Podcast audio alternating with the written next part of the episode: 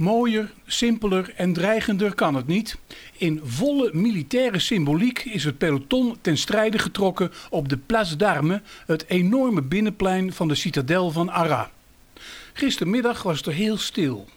Vogels lieten zich vrolijk horen. Er liep een echtpaar rond.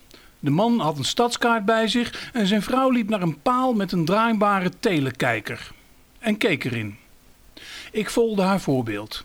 In 3D wordt de situatie van 1678 zichtbaar als de citadel bijna voltooid is. Karren staan er, er liggen stapels hout, er wordt nog gewerkt aan de daken.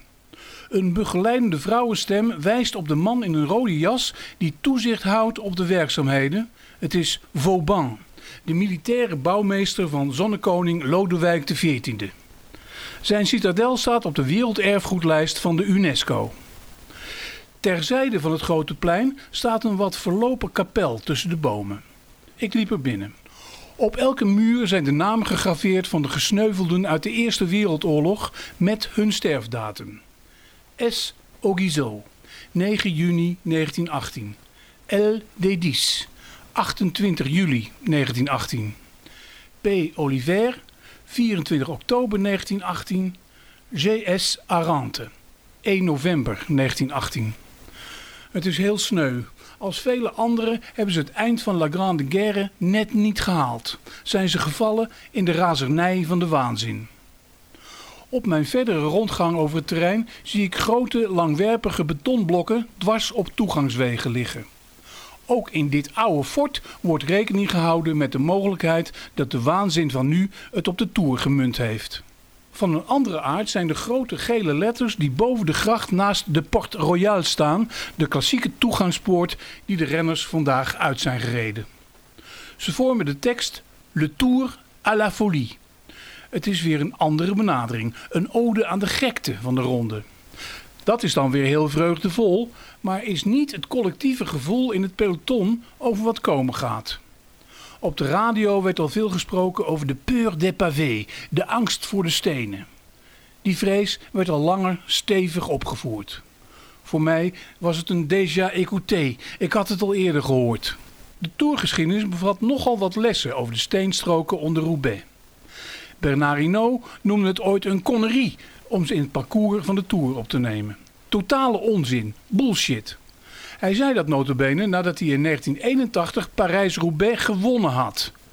In 2010 gingen ze na de toerstart van Rotterdam al op dag 3 over de keien. Thor Huushoft bleef stoer overeind en won. Frank Schleck viel en moest opgeven. Lance Armstrong liep achterstand op en zei laconiek: Het is het risico van het vak. Thijs Zonneveld zei vol verontwaardiging dat die stenen toch echt niet kunnen.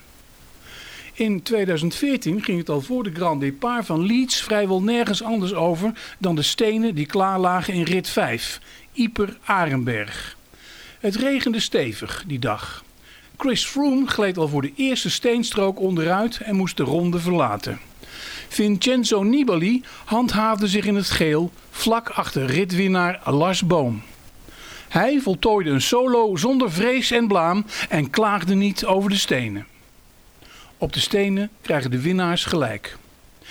Die hobbelige stroken zijn een soort dichtgegooide loopgraven, afgetopt met keien waar het rennersnoodlot tussen verscholen ligt. Hun namen zijn als een rollende Franse rap. Escodouvre atteint, Eswar Paincourt, Auberchicourt et Caillon, Warlin-Brion, Tiwa Sars et Rogère, Beuvry-Orchy, Auchy-Bercé, Monzin-Pével, Mérigny-Avelin, Pont-Thibault-Envelin, Templeuve, Moulin de Vertin, Cissoin-Bourgel, Bourgel-Vanin, Campin-en-Pével, Willems-Ahem. Het heeft iets lieflijks en hels tegelijk. En het hoort in de Tour. Het had eerder gemogen, deze ronde.